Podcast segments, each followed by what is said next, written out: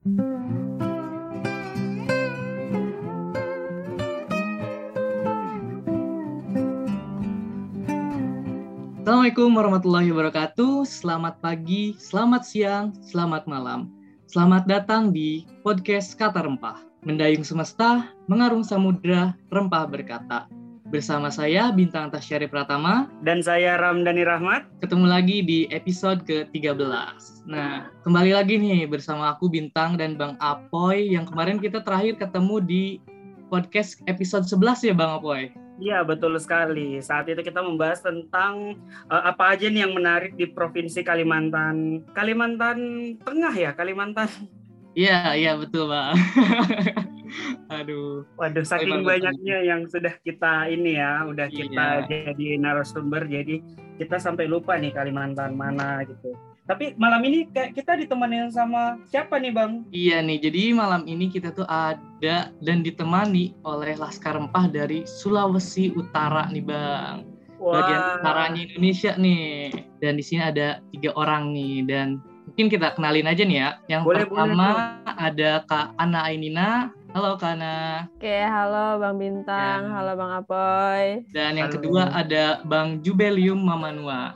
Halo Bang. Oke, halo semuanya. Halo Mas Bintang, Mas Apoy, dan lain-lain. Oke, nah ini ada tiga orang nih. Jadi yang ketiga ini ada Bang Timothy Kabo. Halo Bang. Halo semuanya. Selamat malam. Uh, mungkin pertama nih aku mau nyapa Kak Ana nih. Karena apa kabar Ana? Alhamdulillah luar biasa dahsyat Allah Akbar. Luar biasa banget nih. kita take malam tapi kayaknya kelihatan semangat nih ya nih. Harus dong. Ini Kak Ana posisi ada di mana nih? Di posisi sekarang di Manado. Manado, oke. Sekarang masih kuliah atau gimana? Udah selesai dua tahun lalu. Sekarang sibukan ya sebagai pengurus yayasan sekaligus sebagai pengajar. Hmm, iya, aku aku ikutin sih itu di sosial medianya Kak Ana. Cukup sibuk ya narasumber iya. kita. Kita terima ya. kasih banyak sudah meluangkan waktu buat uh, join di kata rempah. Ya, ya sok sibuk aja sih supaya kelihatan gimana gitu ya. Tapi buat buat laskar rempah ini apa sih yang enggak gitu ya? Waduh, cocok banget nih. Laskar rempah banget ya. Yeah. Vibes-nya udah beda banget. Oke, kalau kayak gitu langsung aku pengen pindah nih sama Kak Jubelio Mamanua. Selamat apa nih sebutnya? Pagi, siang, sore, malam. Halo, apa kabar? Malam, malam. Oh, halo semuanya. Selamat malam, Mas Apoy. Luar biasa baik. Alhamdulillah, puji Tuhan. Biasa sekarang. sekarang. Posisi di mana, Bang? Posisi sama, juga, lagi di Manado juga. Itu anak teman-teman ini meskipun satu kota Manado, apakah berdekatan atau berjauhan gitu? Um, kayaknya kalau Tiwi sama Ana berdekatan, tapi kalau aku kayaknya agak jauhan gitu. Tapi nggak jauh-jauh amat sih, beda 25 km. Sekarang kesibukannya apa nih, Bang? Kesibukannya sekarang mahasiswa tingkat akhir, jurusan geofisika di Universitas Indonesia. Jadi lagi sementara nyiapin buat sidang akhir yang sebenarnya juga uh, udah deket-deket ini makanya kayaknya udah mau berangkat ke Jakarta lah. Semoga sukses ya sidang akhirnya Bang. Amin, makasih Mas Apoy. Kemudian kita ditemani lagi nih sama ada Kak Deo Timothy Kabos. Selamat malam Kak Deo. Iya, selamat malam.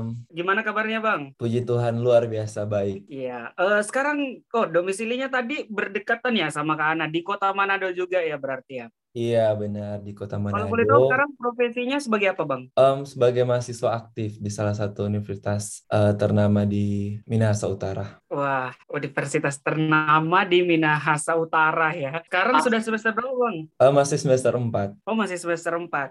Apa iya, yang bang. jadi yang paling muda di Laskar Rempah Sulawesi Utara mungkin ya? Iya, paling muda. Wah. Soalnya di Jogja juga yang paling muda itu masih semester 2 sekarang. Kemudian kalau boleh tahu nih teman-teman Laskar Rempah ini kan ada berlima nih provinsi. Yang dua dari lainnya itu uh, sekarang domisilinya di Manado juga atau gimana? Jadi sebenarnya kita ada berlima. Yang duanya yang pertama si Skia, dia yang paling senior kayaknya ya dari antara lima Laskar. Dia domisilinya di Kota Manado juga. Terus ada si Rizky. Nah Rizkynya nih yang ada di Kabupaten Minahasa. Agak jauh juga di daerah Langoan namanya kalau tahu. Kalau kita kita berbicara tentang Manado atau Sulawesi Utara tentunya merupakan salah satu provinsi yang cukup luas di Indonesia gitu ya. Kalau teman-teman dari Laskar Rempah Sulawesi Utara sendiri apakah sudah pernah menjajaki kaki di semua kabupaten mungkin atau di pulau-pulau apalagi pulau-pulau yang menjadi titik paling utara di Indonesia gitu apakah teman-teman mungkin ada yang pernah bisa sharing Oke, untuk menjajaki seluruh sudut Sulawesi Utara ya. Sepertinya saya belum dan saya ingin. Mungkin abang-abang nih bisa nemenin saya tar kita keliling keliling Sulawesi.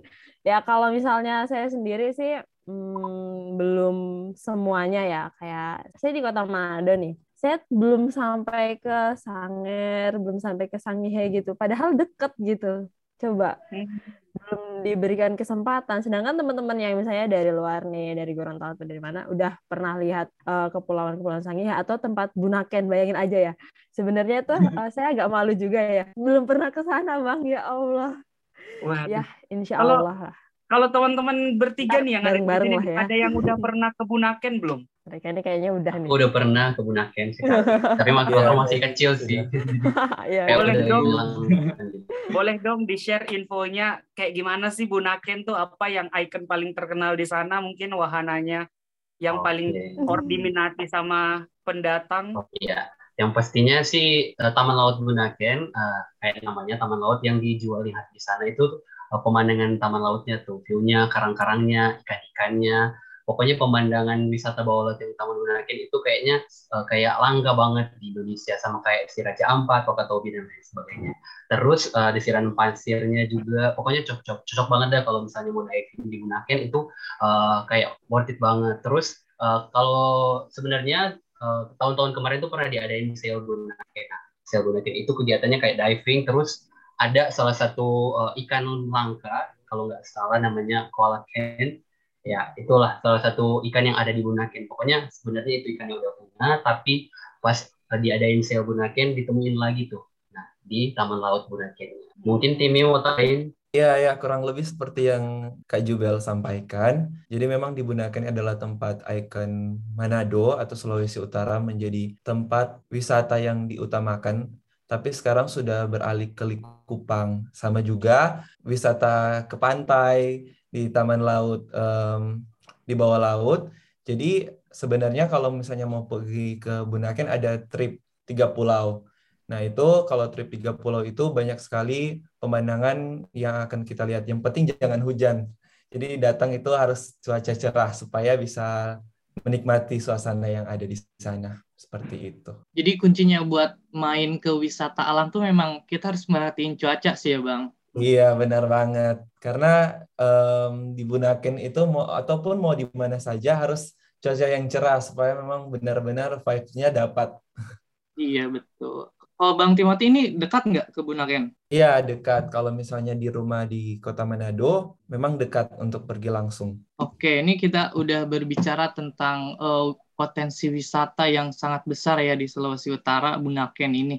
Nah, mungkin apa sih yang terkenal di Sulawesi Utara ini gitu, fun fact-nya selain Bunaken itu? Boleh nih Hmm. siapa yang mau jawab? Fun fact-nya Sulawesi Utara itu apa ya? Patung Yesus terbesar di dunia kedua ya setelah Oh. Brazil. Nah, udah pernah denger nih belum? Mungkin Julial bisa menjelaskan nih. Boleh nih. Eh, ya, jadi di Sulawesi Utara itu, di Manado, tepatnya di perumahan Citraland. Nah, di situ ada patung Yesus memberkati, Mm-mm. yang yang kedua terbesar di dunia. Dan nah, untuk patung Yesus memberkati ini juga, kalau misalnya teman-teman udah pernah lihat eh, film-film yang pernah eh, yang pernah ngambil eh, lokasi syutingnya di Manado, pasti nggak bakal ketinggalan yang view-nya eh, si patung Yesus memberkati. Nah, terus hujan di bulan Juni kalau nggak salah ya, di situ ada ngambil semua view yang ada di patung Yesus memberkati. Nah, selain itu juga yang terkenal kalau mau bicara tentang tempat wisata, selain itu ada juga kuliner-kuliner yang pasti yang terkenal tuh yang di Manado namanya kuliner ekstrim, teman-teman. Kalau pernah dengar kuliner ekstrim tuh kayak ada Nah, kelelawar, dogi, mohon maaf ya, ada Wow. kucing dan lain-lain sebagainya. Pokoknya sampai ada istilah kayak tinggal kaki meja aja yang belum dimakan di Manado. Semuanya ada gitu tersedia. Tapi nggak semua orang Manado sih sebenarnya. Aku aku nggak makan kayak gitu. Tapi kayak ya di situ eh, ekstrim tapi kayak jadi ciri khas walaupun sekarang udah ya dalam tanda kutip masih restricted gitu. Tapi Iya, setan ditangkap lokasi tempatnya di mana bang? di untuk Tomohon. kuliner itu? pasar ekstrim Tomohon. Pokoknya kalau ke Manado coba deh datang Jokowi ke sana. sana ada tikus-tikus digantung gitu kelawar, ada ular, ada kucing anjing, juga ada kucing, juga nggak kucing bang? juga nih kesian ada kucing Aduh. juga. Pokoknya kayak, duh Bisa Ekstrim lah di di sana. situ, Bang. Ngevlog kayaknya harus ya, harus disensor banyak gitu apa gitu, gitu. pokoknya kuliner ekstrem di sana ada kodok ada kayaknya timid deh makan kodok Kalau Bang Timi dari semua menu yang tadi dijelasin mungkin ada yang pernah dimakan mungkin? Udah pernah dicicip mungkin? ya kalau aku pribadi sebenarnya eh, paling ekstrim itu makannya kelelawar sih kalau dogi sama kucing nggak pernah dan nggak bakal pernah Eh, si kelelawar. Kelelawar tuh teman-teman eh, mohon maaf ya rasanya emang kayak gimana ya kayak daging sapi gitu. Tapi kayak ada ciri khas si kelelawarnya kayak ciri khasnya tuh dari baunya gitu. Baunya kayak gimana ya kayak bau-bau mau bilang bau kelelawar tapi gimana ya pokoknya bingung deh. Kelelawar terus namanya kalau di sini uh, diolahnya pakai santan gitu kan. Terus ada bumbu-bumbu rempahnya juga tentunya. Nah pokoknya kalau udah jadi makanan itu enak banget lah tapi uh, yang pasti nggak boleh berlebihan makanya karena bisa bikin apa darah tinggi ya. Terus selain itu pernah juga coba tikus hutan kalau nggak salah namanya. Tikus hutan mirip-mirip kelelawar dagingnya juga kayak sapi tapi kayak lebih gimana ya kayak lebih alot gitu. Tapi itu udah terakhir banget sih terakhir dari SMP kayaknya. Tapi kalau lawar terakhir tahun lalu soalnya kalau lawar enak. Tapi kalau yang nggak bisa makan jangan dicoba. Tapi emang itu berhasiat gitu ya Bang ya? iya kalau dipercaya sih dari dari masyarakat setempat sama juga dari orang-orang tua katanya kalau lawar bagus buat paru-paru sih katanya nggak tahu kalau secara medisnya gimana gitu apakah emang berhasiat tapi pas setelah makan rasanya kayak jadi panas gitu tapi rasanya kayak terngiang-ngiang gitu Oh, Iya, iya. Ya bisa jadi Batman kah apa enggak agak panas gitu ya Bang ya? Berarti kayak ular iya gitu ya Bang? ya? panas bisa jadi kayak ular saya juga belum pernah coba sih makan ular tapi bisa jadi Kalau ular aku pernah. demi apa udah pernah makan ular ular apa Udah. itu panas sampai dalam gitu.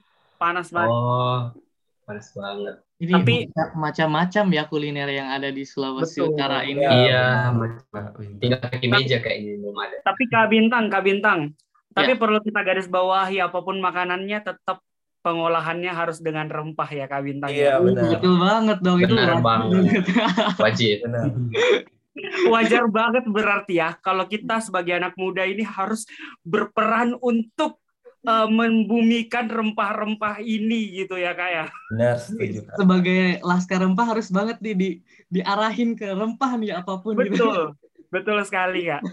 Jadi kalau di Oh. Sulawesi Utara itu untuk makanan-makanan daerah, makanan khas daerah yang memang benar berasal dari daerah em, setempat, misalnya di Minahasa contohnya, itu makanan-makanan itu dibuat dengan banyak sekali rempah. Jadi makanan khas Sulawesi Utara juga terkenal dengan banyaknya rempah-rempah yang digunakan. Jadi tanpa rempah, aroma maupun yang lain-lain itu akan tidak enak untuk dimakan ataupun dicium. Karena seperti yang sudah dikatakan tadi, bahwa makanan Minahasa ya benar ada beberapa makanan, mohon maaf, yang kayak kelelawar, em, babi misalnya, ataupun anjing seperti itu, atau ular yang dimakan, itu perlu dengan banyak sekali bumbu-bumbu.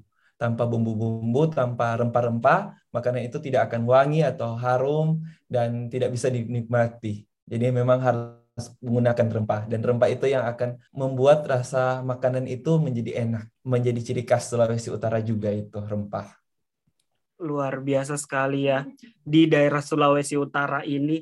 Berarti di daerah Sulawesi Utara ini kalau memang semua masakan itu mengandalkan rempah, berarti cukup banyak dong eh, jenis-jenis rempah. Nah, kalau boleh tahu nih, rempah-rempah yang eh, dihasilkan di Sulawesi Utara nih ada apa aja nih? Kan nggak semua nih rempah bisa tumbuh di setiap daerah. Tapi kalau di daerah Sulawesi Utara sendiri, itu rempah-rempah yang eh, banyak di apa? Banyak dihasilkan itu rempah apa aja nih? Mungkin ada yang bisa bantu menjelaskan. di Sulut sendiri sih paling potensial rempah itu ya pala, cengkeh gitu kan ya.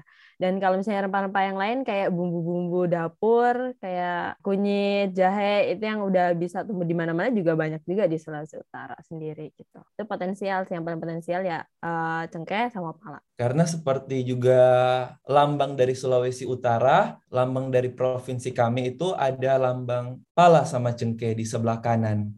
Nah, itu melambangkan ciri khas dari Sulawesi Utara.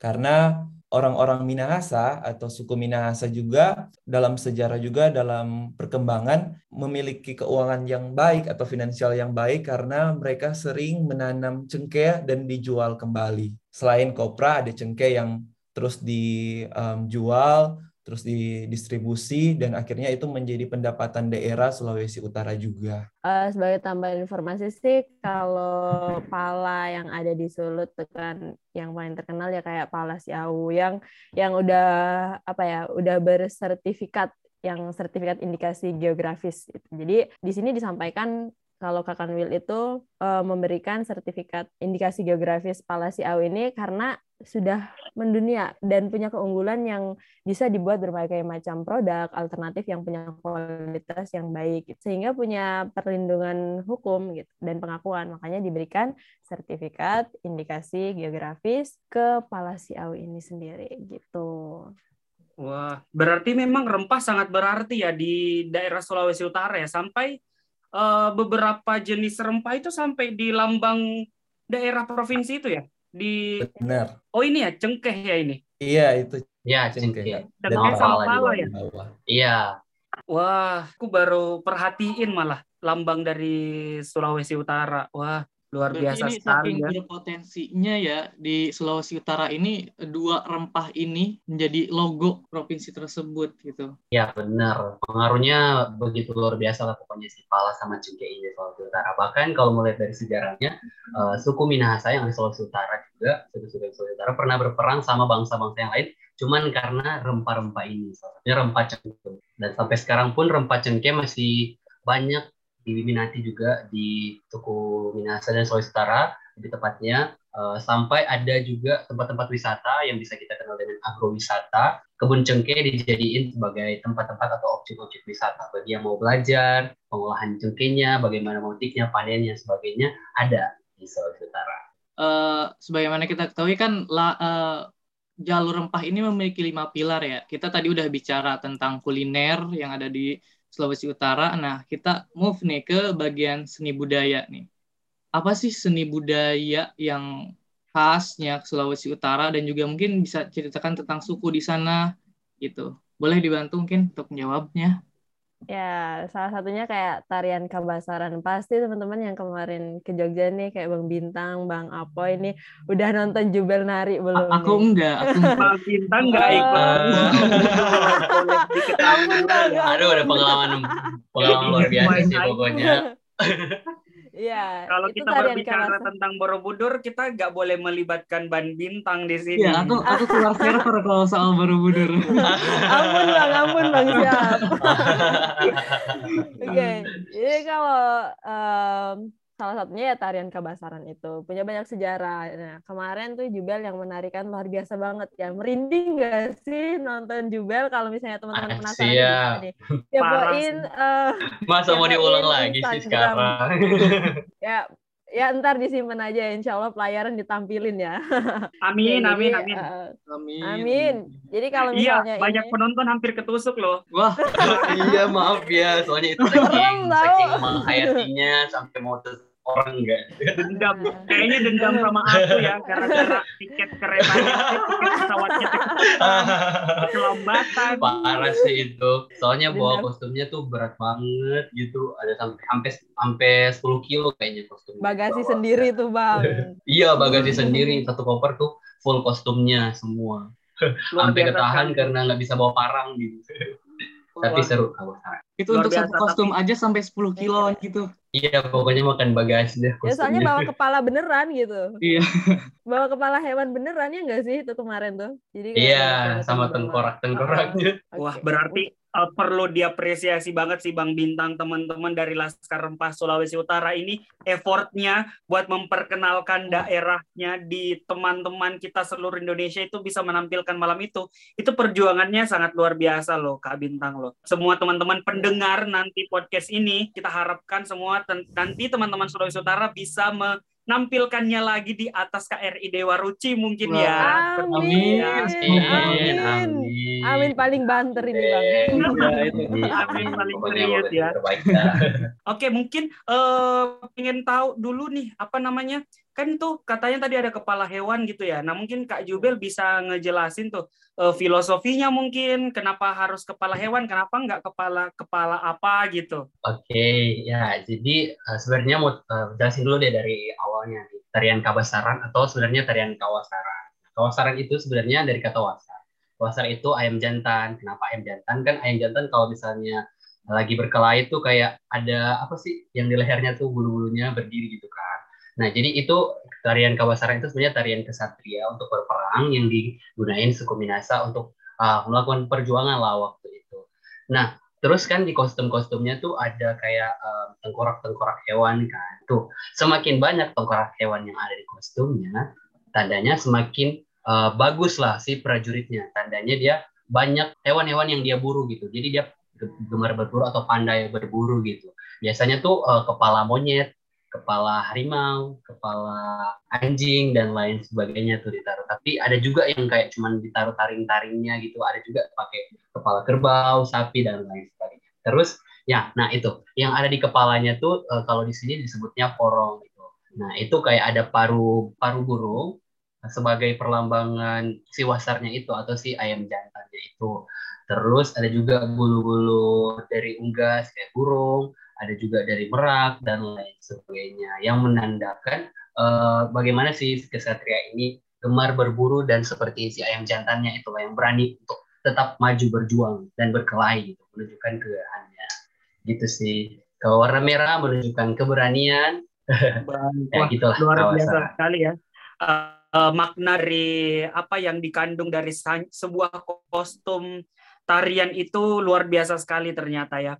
Nah, kalau Kak Jubel nih kita tahu nih, uh, dia adalah seorang penari karena kemarin menari. Kalau Kak Ana, kalau boleh tahu di seni budaya Sulawesi Utara yang dikuasain atau yang dimahiri apa nih Kak Ana nih? Ya kalau untuk yang dimahiri dan ditekuni ya mungkin eh, saya harus lebih banyak belajar lagi ya. Iya. Contoh. Masih dalam Iya, proses belajar kayak- ya. Iya, saya tuh pengen banget belajar kalau nah kemarin nih kita katrili nggak sih ingat nggak Iya. waktu kita katrili Oh, Katrili di Tugu Lilin. Waktu itu sempat nih kita main katrili, bukan main ya, maksudnya nari katrili. Itu lagi tahap belajar. Dan jujur aja pengen banget belajar kolintang nih, Bang Jubel nih. Jago banget Oh. kolintangnya enggak sih? Dia itu Wah. musisi keren nih. Multi talent banget ya. Multi luar biasa. talent banget, luar biasa. Aku mungkin boleh lah pindah ke kan Aku pengen pindah ke Kak Deo nih, pengen tahu nih kalau Kak Deo dari seni budaya yang ada di seni budaya khas Sulawesi Utara mungkin ada yang ditekuni atau ada yang dimahiri mungkin. Saya pernah tarian maengket ya. Nah, em, aku mau sharing nih tentang maengket. Nah, tarian maengket itu berasal dari Minahasa, suku Minahasa. Em, terdiri dari dua kata, ma dan engket. Ma itu berarti melaksanakan dan engket itu berarti mengangkat tumit dan naik turun sesuai em, musik. Nah, mungkin ini mau aku sharing sedikit ya. Kenapa ada tarian maengket? Karena ini menggambarkan suku Minahasa yang bersyukur kepada Tuhan Yang Maha Esa bahwa selama mereka menanam, selama mereka em, dalam mengenal pertanian, subur tanah kita di di Minahasa sangat subur, sangat berpotensi untuk menghasilkan em, segala bentuk buah-buahan dan tanaman bercocok tanam itu sangat baik di Sulawesi Utara. Sehingga orang-orang suku Minahasa pun bersyukur kepada Tuhan bahwa mereka menghasilkan banyak berkat dari daerah mereka masing-masing. Terus di ketika ada tamu dari luar kota, tentunya akan ditarikan tarian maengket karena tarian maengket ini ungkapan suku Minahasa bersyukur dengan tanah yang diberkahi Tuhan, diberkahi bahwa banyak sekali um, bisa tumbuh di tanah Minahasa. Bahkan cengkeh dan pala salah satunya. Ya, jadi tarian maengket ini sebagai uh, wujud Kapan syukur gitu ya. Iya. Atas uh, potensi alam yang sudah diberikan mungkin gitu ya. Iya ya, benar. Syukur masa panen juga. Iya. Iya masa ya. panen. Sebelum um, suku Minahasa sudah mengenal pertanian, um, jadi suku Minahasa sudah mulai belajar untuk menari dan itulah yang menjadi ungkapan syukur kepada Tuhan bahwa ternyata di suku Minahasa itu terdapat banyak sekali tumbuh-tumbuhan yang bisa dimakan dan itu pun bisa dijual seperti itu. Hmm. Wah, berarti uh, itu tradisinya rada mirip loh sama ada yang di Jawa Barat. Di Jawa Barat juga ada salah satu upacara namanya tuh uh, Serentahun. Nah, itu jadi upacara sebagai oh. bentuk kita bersyukur kepada Tuhan atas uh, segala keberkahan atas pertanian seperti itu. Iya benar kak. Okay. Kalau di Sulawesi Selatan juga ada loh kak. Apa tuh? Itu upacaranya namanya Mapalili Mapadendang. Jadi uh, itu tuh kayak ucapan terima kasih juga ketika misalnya setelah panen itu petani-petani biasanya berkumpul, masyarakat berkumpul terus upacara adat gitu kak. Jadi sebenarnya setiap daerah punya caranya sendiri, caranya masing-masing dalam berterima kasih kepada Tuhan yang Maha Kuasa atas uh, limpahan kekayaan alam yang diberikan kepada kita. Jadi luar biasa sekali ya Indonesia ini sangat beragam, memiliki caranya masing-masing lah dalam uh, mengungkapkan rasa syukur tersebut ya Kak Bintang ya dan teman-teman semua yang ada di sini ya. Iya, betul banget nih Bang Apoy. Nah, mungkin untuk selanjutnya nih, ini kan kalian dari Sulawesi Utara ya. Misal nih, aku berkunjung ke Sulawesi Utara. Apa sih tempat wisata yang bisa dan kalian rekomendasiin untuk aku datang sana gitu? Mungkin dari kalian bisa nih salah uh, satu-satu untuk memberikan satu rekomendasi tempat wisata.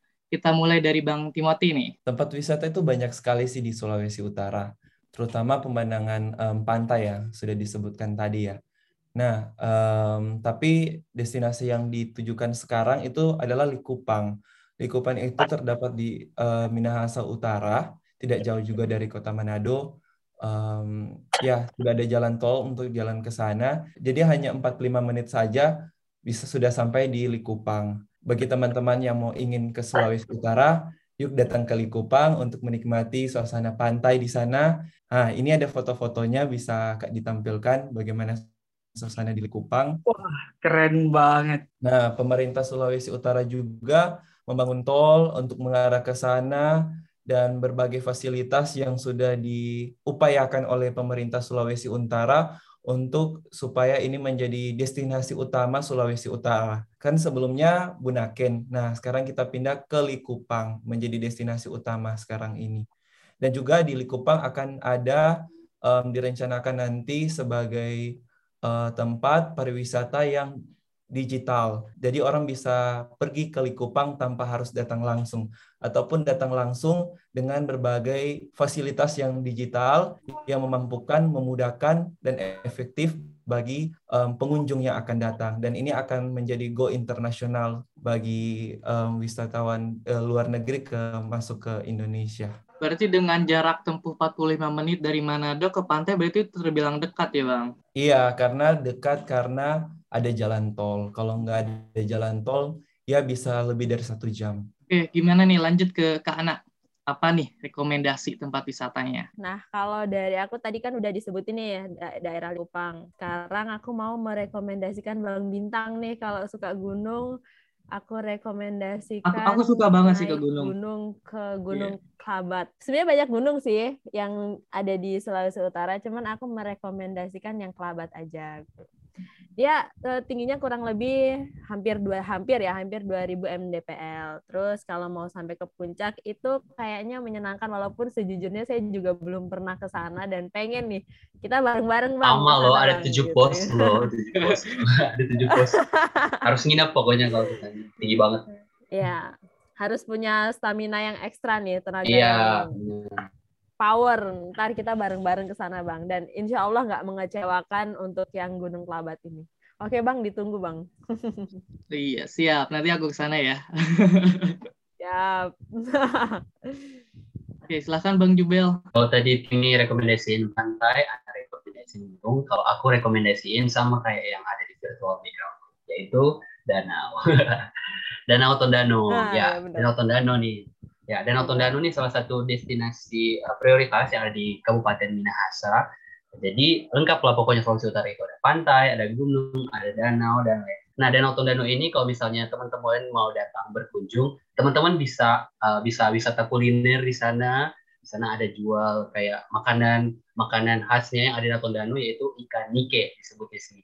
Kayak ikan apa ya namanya? Pokoknya ikan-ikan kecil gitu, kecil banget sama kayak ikan apa sih namanya kalau di di sana bilangnya pokoknya tapi ini di danau gitu. Yang kecil-kecil terus nanti bikin kayak gorengan pokoknya enak banget lah di sana. Terus teman-teman bisa pancing dan lain sebagainya. Dan juga bisa naik kapal ke tengah pulau yang ada di danau. Kalau di Toba kan ada ada pulau Samosir. Kalau di danau ada juga namanya pulau Likri. Nah teman-teman bisa naik kapal kecil di sana terus bisa lihat indahnya pemandangan danau Tondano yang dikelilingi oleh perbukitan-perbukitan dan juga ada wisata-wisata uh, bisa lihat ikan-ikan yang dibudidayakan di sana nah, kayak yang ada di gambar ini nih. Ya, itulah. Ada juga tempat-tempat wisata yang di, dihias sedemikian rupa sehingga menambah keestetikan kalau misalnya teman-teman mau datang foto-foto atau lihat-lihat yang ada di Danau Tondano. Pokoknya mari Jo datang ke Minahasa lain. Ayo kita ke Minahasa gitu. Ini rekomendasinya semuanya wisata alam ya. Ini ini aku banget sih soalnya aku tuh suka banget eh, tempat wisata yang alam gitu. Iya, Tapi sebenarnya pasti Sulawesi Utara bukan cuma yang disarankan tadi yang menarik ya. Pasti masih banyak banget wisata-wisata yang menarik di Sulawesi Utara nih. Kembali lagi ke topik saya pengen nanya nih. Kan teman-teman Laskar Rempah Sulawesi Utara ini kan kita kurang lebih udah hampir setahun ya. Bulan Juni itu kita udah kayak flashback tahun lalu, Juni tahun lalu itu awal-awal kita mengikuti seleksi gitu kan. Kita semua ngikutin seleksi, kita dapat info. Aku pengen nih dari teman-teman Laskar Rempah Sulawesi Utara nih ada tiga orang perwakilan pengen denger nih cerita atau pengalamannya yang bisa di-share secara singkat saja dari awal mendapatkan info tentang jalur rempah kemudian ngikutin seleksinya terus sampai lolos sampai sekarang itu mungkin boleh di-share kepada kita semua Laskar Rempah yang akan mendengarkan podcast ini nantinya. Monggo yang pertama siapa mungkin yang mau Aku dulu sharing? boleh ya. Monggo Sharing. Mbak. Oke, eh, nggak kerasa ya kita udah mau enif ya. Hampir tahun enif yang pertama nih. Ya, jadi eh, kalau flashback yang dulu-dulu waktu pertama dapat info nih, sebenarnya pertama kali dapat info itu dari teman-teman Gorontalo nih. Teman-teman temanku itu udah sempet eh, dia story di Instagram kan, ada pendaftaran nih jalur 4. Terus aku kepo nih jalur 4-nya apa? Karena yang sebelumnya kan ya kegiatan paling ya apa PPAN, KPN ya, Betul betul. Pemuda- eh, kapal pemuda gitu ya. Terus ini terbaru nih kayaknya jalur rempahnya apa gitu. Oke, Pok kan. Oh, mau daftar ih tapi Gorontalo. Soalnya aku emang awalnya di Gorontalo 4 tahun kan kuliah. Tiba-tiba udah hijrah nih ke Sulawesi Utara. Nah, akhirnya aku cari info nih, ada nggak sih yang di Sulut pengen nih gabung tapi nggak bisa ke Gorontalo gitu. Ya awalnya emang niatnya mau balik ke Gorontalo untuk daftar ini. Jadi pengen jadi ntar kalau misalnya ke daftar ya jadi Laskar Gorontalo ya. Akhirnya nyari info nih. Nyari info, eh ada Sulut bisa loh daftar. Akhirnya aku daftar, eh, berkas dimasukin itu Hamin berapa ya? Udah udah deadline deh deket-deket deadline tuh. Udah masukin saya segala rupa. Ya udah akhirnya dapet nih berkas masuk semuanya. Udah lengkap persyaratan. Datanglah waktu untuk eh, dihub- dihubungi ya. Waktu itu dihubungi untuk wawancara. Ya kita datang ke dinas dinas kebudayaan ya kalau nggak salah. Dinas kebudayaan provinsi. Akhirnya ya udah di situ diseleksi diwawancara dan lain sebagainya nah kemudian di berikut berikutnya diumumkan siapa yang eh, lima orang yang menjadi laskar atau delegasi dari Sulawesi Utara. Kemudian tes kesehatan dan kurang lebih seperti itu. Akhirnya kita berlima menjadi laskar rempah yang dipersatukan gitu. Wah, luar biasa sekali ya, sangat memotivasi. Tapi sebelumnya kalau boleh tahu nih Kak Ana, eh, domisili aslinya itu Gorontalo atau Sulawesi Utara Kak Ana? Domisili asli sebenarnya kelahiran eh, Uh-uh. di emang di Sulut, Bolaang Mongondo ya saya tuh. Tapi uh, kuliah empat tahun di Gorontalo di kota Gorontalo. Jadi ya lumayan lama lah ya. Jadi sebenarnya juga nggak pengen balik nih, pengen stay di Gorontalo gitu. Hmm. Nah, kemudian tapi kalau untuk uh, apa namanya nggak uh, jauh beda, apakah jauh beda gitu uh, kondisi yang ada di Gorontalo sama Sulawesi Utara atau hampir sama gitu? Uh, hampir, cuma kalau di Gorontalo itu panasnya agak menyengat gitu ya dibandingkan dengan Manado gitu.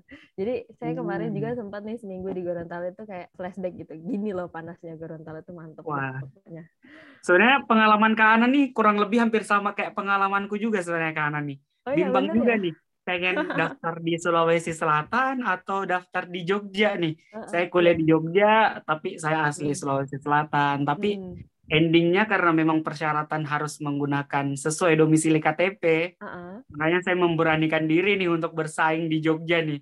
Meskipun kayak wah orang-orang Jogja, orang-orang yang berkompeten semua uh, gitu kan, kebudayaan Jogja yang luar biasa apalagi budaya di Sulawesi dan di Jogja kan jauh berbeda jauh ya, gitu kan. Bener, Jadi kayak bener semua sudah direncanain sama Tuhan dan kita dipersatukan dan saya menjadi delegasi Jogja. Mantap, Jadi kayak memang biasa. sebenarnya berawal dari niat aja ya Kak Ana ya. Yang penting ya, niat dan bener. tekad dan mau mencoba gitu ya Kak Ana ya. Berarti okay. kalian berempat ini darah Sulawesi ya?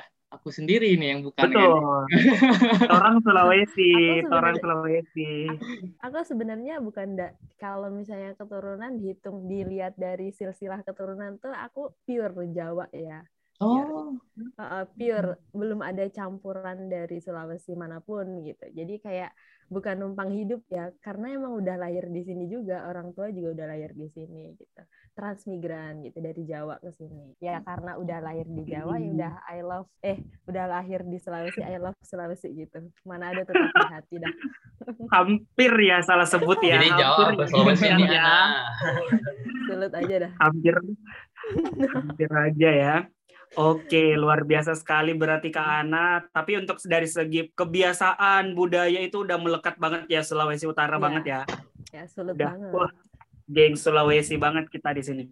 Oke, kalau begitu aku pengen pindah ke siapa dulu nih selanjutnya yang mau sharing nih pengalamannya mungkin apakah Kak Deo atau Kak Oke, Jubel? Boleh deh, boleh deh aku. Oke, jadi uh, awalnya uh, terjun atau uh, bisa tergabung dalam Raskal Rempah ini uh, pertama tuh informasi di TikTok tau. Jadi di TikTok tuh uh, sambil nge-scroll nge-scroll informasi terus muncul tuh di FYP kayak mau jalan-jalan gratis keliling Indonesia ayo ikutan menghibur budaya jalur rempah gitu-gitu kan. Terus kayak lihat emang iya ada jalan-jalan gratis ke Indonesia sama kayak kayak di Waruci terus lihatlah di komennya Allah banyak yang kayak mau emang bener daftar gitu. Kirain kayak cuman bohongan. Tapi pas udah lihat kayak sponsornya dari Kemendikbud wah semakin niat nih mau banget gitu jalan-jalan gratis apalagi sambil naik kapal legendaris gitu kan. Dan juga belajar. Nah ya udah klik deh link yang ada di TikTok tuh. Terus muncul informasi Muiba budaya jalur rempah dan sebagainya. Iseng-iseng baca. Terus itu waktu itu bertepatan sambil magang kan. Kayak mau aduh ikutan nggak ya? Takutnya nabrak gitu tesnya sama waktu jadwal magang gitu. Dan dan akhirnya memberaniin diri daftar bikin esai dan lain sebagainya di tengah kesibukan yang lagi magang. Terus pas dipanggil wawancara ketemu deh Ana. Nggak sengaja ketemu Ana dari awal cerita-cerita, sharing-sharing dan akhirnya sampai lah di sini. Ternyata Ana dari pertama sampai akhir uh, kita emang udah takdirkan buat terjun di Laskar sekarang. Bukan cuma aku sama Ana sih, tapi kayak Theo dan lain sebagainya. Akhirnya sampai sekarang ada dan udah mau enif ya kita setahun di Laskar Rempah dan harapannya kita udah secepatnya untuk berlayar ke Iri Dewa Ruci kayak yang di TikTok tuh mau jalan-jalan gratis kali Indonesia yuk ikut join Ibu Budaya Jalur Rempah. Bang boleh jujur gak bang? Aku nonton yeah. itu juga bang. Oh iya. Gara-gara itu. Ya sama dong berarti motivasinya bang. Pasti mas-mas kan abang-abang kan. Iya iya benar benar benar. Buat kalian yang mau jalan-jalan gratis keliling Indonesia dan dibiayain gini-gini gini, ikutin ini. Wah aku langsung kayak iya. Wah gila gila. Iya bener bener bener bareng. Iya itu juga. Berarti kita orang yang sama terjun di Wiba karena itu. Oke. Okay. jangan-jangan anak... komen lagi bang. Anak TikTok banget ya kalau boleh kalau kayak gitu kita langsung tanyakan ke TikToker kita nih yang satu ah, bener pengalamannya ya. nih. kita boleh sharing sama TikTokers monggo pengalamannya Oke. boleh di-share mungkin. Oke, kalau dari awal sejujurnya em, dari Mama ya, Mama kirim format kalimat yang mau undang ikut jalur rempah. Terus ikutlah Muhibah jalur rempah gitu. Pertama aku skip lah chatnya itu, ah nggak mau ikut apa-apa gitu. Terus lihat-lihat lagi, ternyata mau jalan-jalan gratis kalau bisa lolos tahap-tahap seleksinya gitu. Ya udah deh, ikut seleksi aja. Aku lihat di Instagram banyak banget yang ikut, jadi takut kayak kalah saing gitu.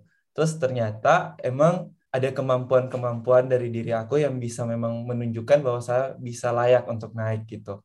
Dan akhirnya puji Tuhan bisa lolos dan sebenarnya tujuan awalnya adalah untuk jalan-jalan seperti Kak Jubel dan eh, Mas juga untuk jalan-jalan kita.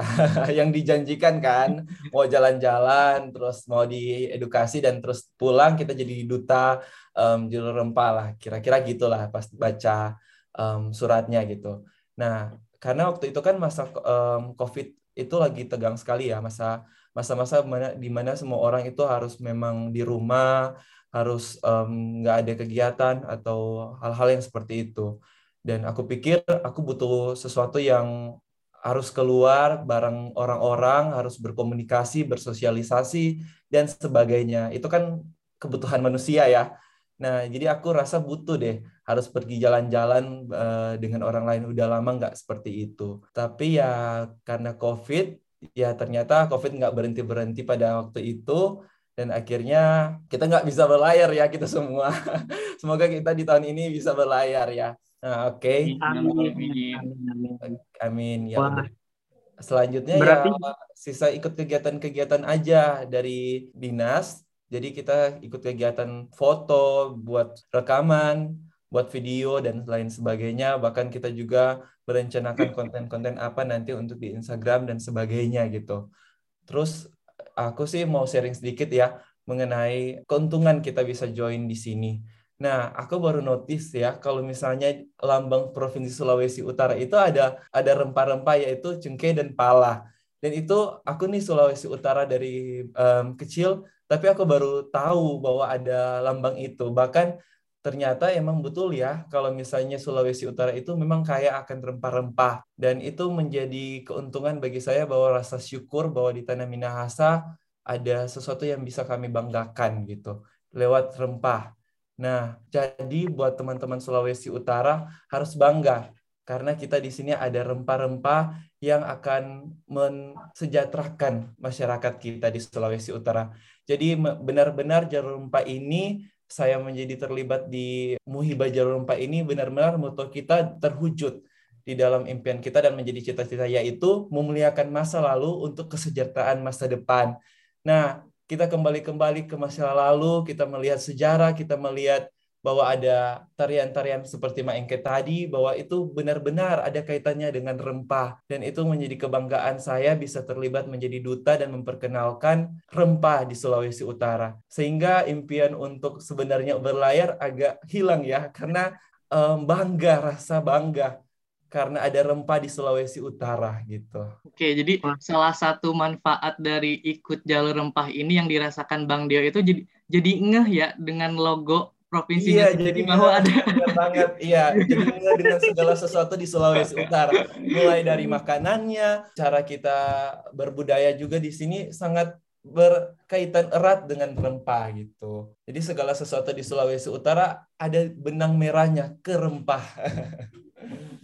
Oke, Bang. Kita eh, move ke bahasan selanjutnya nih. Aku ini ini biasanya yang hal yang paling ditunggu-tunggu sama pendengar podcast Kata Rempah nih. Boleh dong ceritain apa sih yang mitos yang yang menjadi cerita di Sulawesi Utara sana gitu. Karena kan pastinya tiap daerah itu ada aja nih tentang mitos-mitos itu. Boleh nih siapa yang akan menjawab?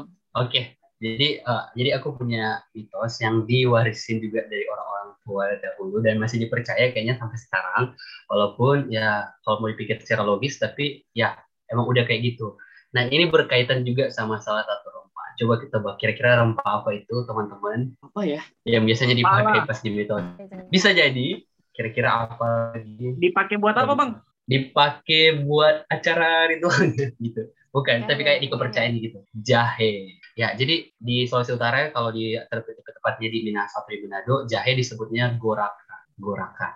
Nah, gunanya jahe ini apa? Jadi orang dulu-dulu itu mikirnya kalau ada ibu hamil atau ibu yang baru saja melahirkan, kalau misalnya kemarin uh, di Kalimantan Tengah ada kan bahas-bahas kuyang itu.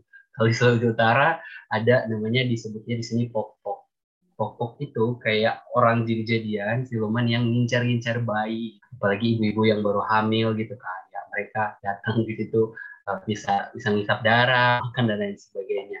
Nah, untuk menangkal si si siluman ini yaitu dengan rempah jahe rempah jahe yang didoain gitu ditaruh di sekitar si bayinya atau di ibu hamilnya beserta dengan uh, bawang merah, bawang putih dan sebagainya gitu. Dikelilingin supaya si pok-poknya ini atau si rumahnya ini takut gitu buat datang atau meninggapi si bayi atau si ibu hamil ini. Nah, jadi orang-orang dulu tuh uh, kalau misalnya ada ibu-ibu yang mau hamil atau ada bayi, dibawa pokoknya dibawa lah jahe. Terus ada juga kalau misalnya nggak tahu sih teman-teman di sini kalau misalnya kita main bola nih main bola terus si temannya ini kayak nggak bisa dimasukin uh, itu pok-pok atau enggak suami atau pok-pok kayak gitu lah kayak mirip-mirip kuyang sih sebenarnya gitu suka terbang dan cuman kayak cuman kayak hmm. kepala doang dan suka berburu bayi-bayi atau ibu hamil gitu ya gitulah bisa ditangkal dengan jahe coba Wah, jadi coba kalau ketemu kuyang kalau bisa bisa ditangkal dengan jahe harusnya ini kita ajuin ke Kemendikbud nih sebagai pilar baru jalur rempah nih. Iya nih, pilar misteri. itu gitu, bukan cuma di Sulawesi Utara, Dok. Bukan cuma Sulawesi oh, iya. Utara loh, Bang. Di Sulawesi Selatan juga kayak gitu. Jadi aku waktu kecil juga di apa peniti di jahe tuh peniti di baju kecil kita gitu loh waktu masih balita bayi gitu tuh pasti tuh ada. Jadi di peniti ke uh, apa jahe itu di peniti terus disimpan di baju bayi gitu. Itu katanya biar terhindar dari popo. Popo juga namanya di Sulawesi Selatan ya. Tersebar kayak gitu juga. Ya, itu masih dipercaya sampai popo. sekarang. popo. Kayaknya sejenis serem popo, gitu serem. Popo. ya serem pokoknya. Ada juga wangi di sini gitu lah terus ada kayak apa namanya dan itu sampai misalnya, sekarang loh. Iya sampai sekarang. Sampai ada juga orang-orang yang kayak udah supaya kebal atau kayak beruntung banget ya ketika lain dia kayak dibilangnya di sini uh, kamu udah tanam jahe ya? Maksudnya uh, kayak kalau bahasa Manado mana sobat tanam goraka gitu. Jadi kayak kamu udah tanam jahe maksudnya udah pakai kayak ilmu ilmu kebal gitu di jahe sampai nggak bisa dikalahin gitu gitu kayak astaga itu mitosnya sih tapi kayak cuma jadi bahan uh, apa namanya candaan itu sih salah satu mitosnya berkaitan sama rempah jahe mungkin teman-teman yang lain ada juga gitu udah bener sih tadi kita coba ajuin ke Kemendikbud ya. Yeah. misteri keren. Betul sekali. Jadi memang Apa beberapa itu daerah itu rempah-rempah masih dijadiin semacam jampi-jampi. Teman-teman tahu jampi-jampi itu kayak ya? Ya, ya, ya, benar. Tahu, tahu, tahu. Iya, tahu, tahu, tahu. Itu jampi-jampi yang memang dia membahas tentang uh, ramuan-ramuan setiap daerah yang masih dipercaya dan itu uh, sebagian besar uh, hampir semua daerah-daerah itu memang menggunakan rempah di dalam kepercayaan-kepercayaan yang dipercayai di setiap daerah seperti itu ya teman-teman ya. Terima kasih banyak teman-teman Sulawesi Utara yang sudah sharing nih buat menambah ketakutan kita di malam hari ini, terutama saya yang sendiri di kosan. Oh jam Sama 11 juga. Udah jam Worth dicoba lah. Uh, teman-teman tadi kan udah sharing nih tentang proses perjalanannya sehingga bisa menjadi Laskar Rempah. Kalau boleh tahu nih kegiatan uh, tadi kan udah sempat dispil tuh sama Bang Rio tuh kegiatan yang sempat dilakuin uh, teman-teman Laskar di Sulawesi Utara. Uh, selain itu apakah ada lagi kegiatan atau program yang rencananya akan dilakukan atau mungkin sudah dilakukan mungkin uh, kita boleh sharing-sharing mungkin teman-teman yang bisa mewakili. Kalau beberapa waktu kemarin awal-awal tahun 2021 ya waktu itu awal-awal uh, terpilihnya uh, delegasi itu ada kegiatan pembuatan film itu yang waktu itu untuk festival Bumi Rempah ya. Tapi mungkin ada beberapa kendala sehingga film yang dibuat di Sulut itu belum bisa ditampilkan gitu. Insya Allah ke depannya deh kalau bisa ya. Kemudian kalau untuk program yang selanjutnya sih yang lagi berjalan nih yang mau diajukan ke Kemendikbud kemarin adalah jalur rempah untuk disabilitas. Jadi kayak gitu. Dan insya Allah ini akan berjalan sesuai dengan timeline yang udah kita atur. Dan itu juga uh, untuk pohon kehidupan ya untuk saat ini insya Allah kita juga lagi nyusun cerita rempah yaitu tentang pohon kehidupan yang semoga bisa jadi pagelaran dan bisa ditampilkan dan ya on proses lah ya ini akan melibatkan banyak pihak. Jadi bukan cuma dari Sulut aja, dari teman-teman dari provinsi lain juga pasti akan membantu untuk suksesnya kegiatan kegiatannya suksesnya cerita pohon kehidupan ini insya Allah rencananya nanti ke depannya pengen buat program selain pohon kehidupan itu kan itu kan program yang dilaksanakan eh, harapannya untuk kita semua seluruh Indonesia gitu kan ke anak kan. Kalau dari Laskar Rempah Provinsi Sulawesi Utara sendiri ini harapannya eh, pengen buat apa nih mungkin Kak Ana nih? Kalau saya pribadi sih pengen uh, karena saya gerak bergerak di bidang pendidikan ya, saya ingin banyak memperkenalkan ke anak-anak sekolah yang ada di Sulawesi Utara dimulai dari sekolah yang paling dekat dengan saya yaitu sekolah di yayasan saya sendiri. Jadi uh, pengennya lebih memperluas lagi, tapi juga perlu perencanaan dan juga rencana yang matang lah untuk menyebarkan atau membuat kegiatan-kegiatan yang tepat sasaran gitu kayaknya kita perlu banyak diskusi nih teman-teman Laskar Rempah Sulawesi Utara yang saya cintai dan saya banggakan. Kurang lebih seperti itu. Tapi teman-teman Laskar sendiri, uh, kalau kumpul-kumpul sesama Laskar di daerah ini sering atau gimana nih? Hmm, kumpul, Lebih sering online oh, sih ya. Online, ya. Kita lebih ke online gitu, walaupun satu mana tapi kebanyakan online gitu. Sangat mematuhi protokol kesehatan ya. ya, kita anak prokes banget. Iya. Mungkin ke Sebenarnya salah satunya karena ngumpulinnya susah sih. Ngumpulin Dragon Ball.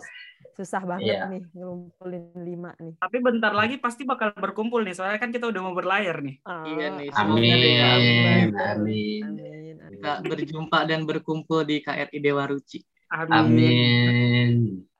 Oke teman-teman kami semua para pendengar di sini harapannya kepada teman-teman semua laskar di Indonesia khususnya Laskar Empat Sulawesi Utara apa pun program kegiatan yang direncanakan semoga bisa terwujud dan bisa dilihat oleh masyarakat dan itu bisa menjadi salah satu action dari teman-teman Laskar Empat sendiri untuk membumikan rempah yang ada di Sulawesi Utara. Iya, betul banget Bang Apoy. Jadi kita ini di, kayaknya ditunda untuk berlayar tuh mungkin kita tuh ditagih untuk berkontribusi dulu deh baru jalan-jalan gitu.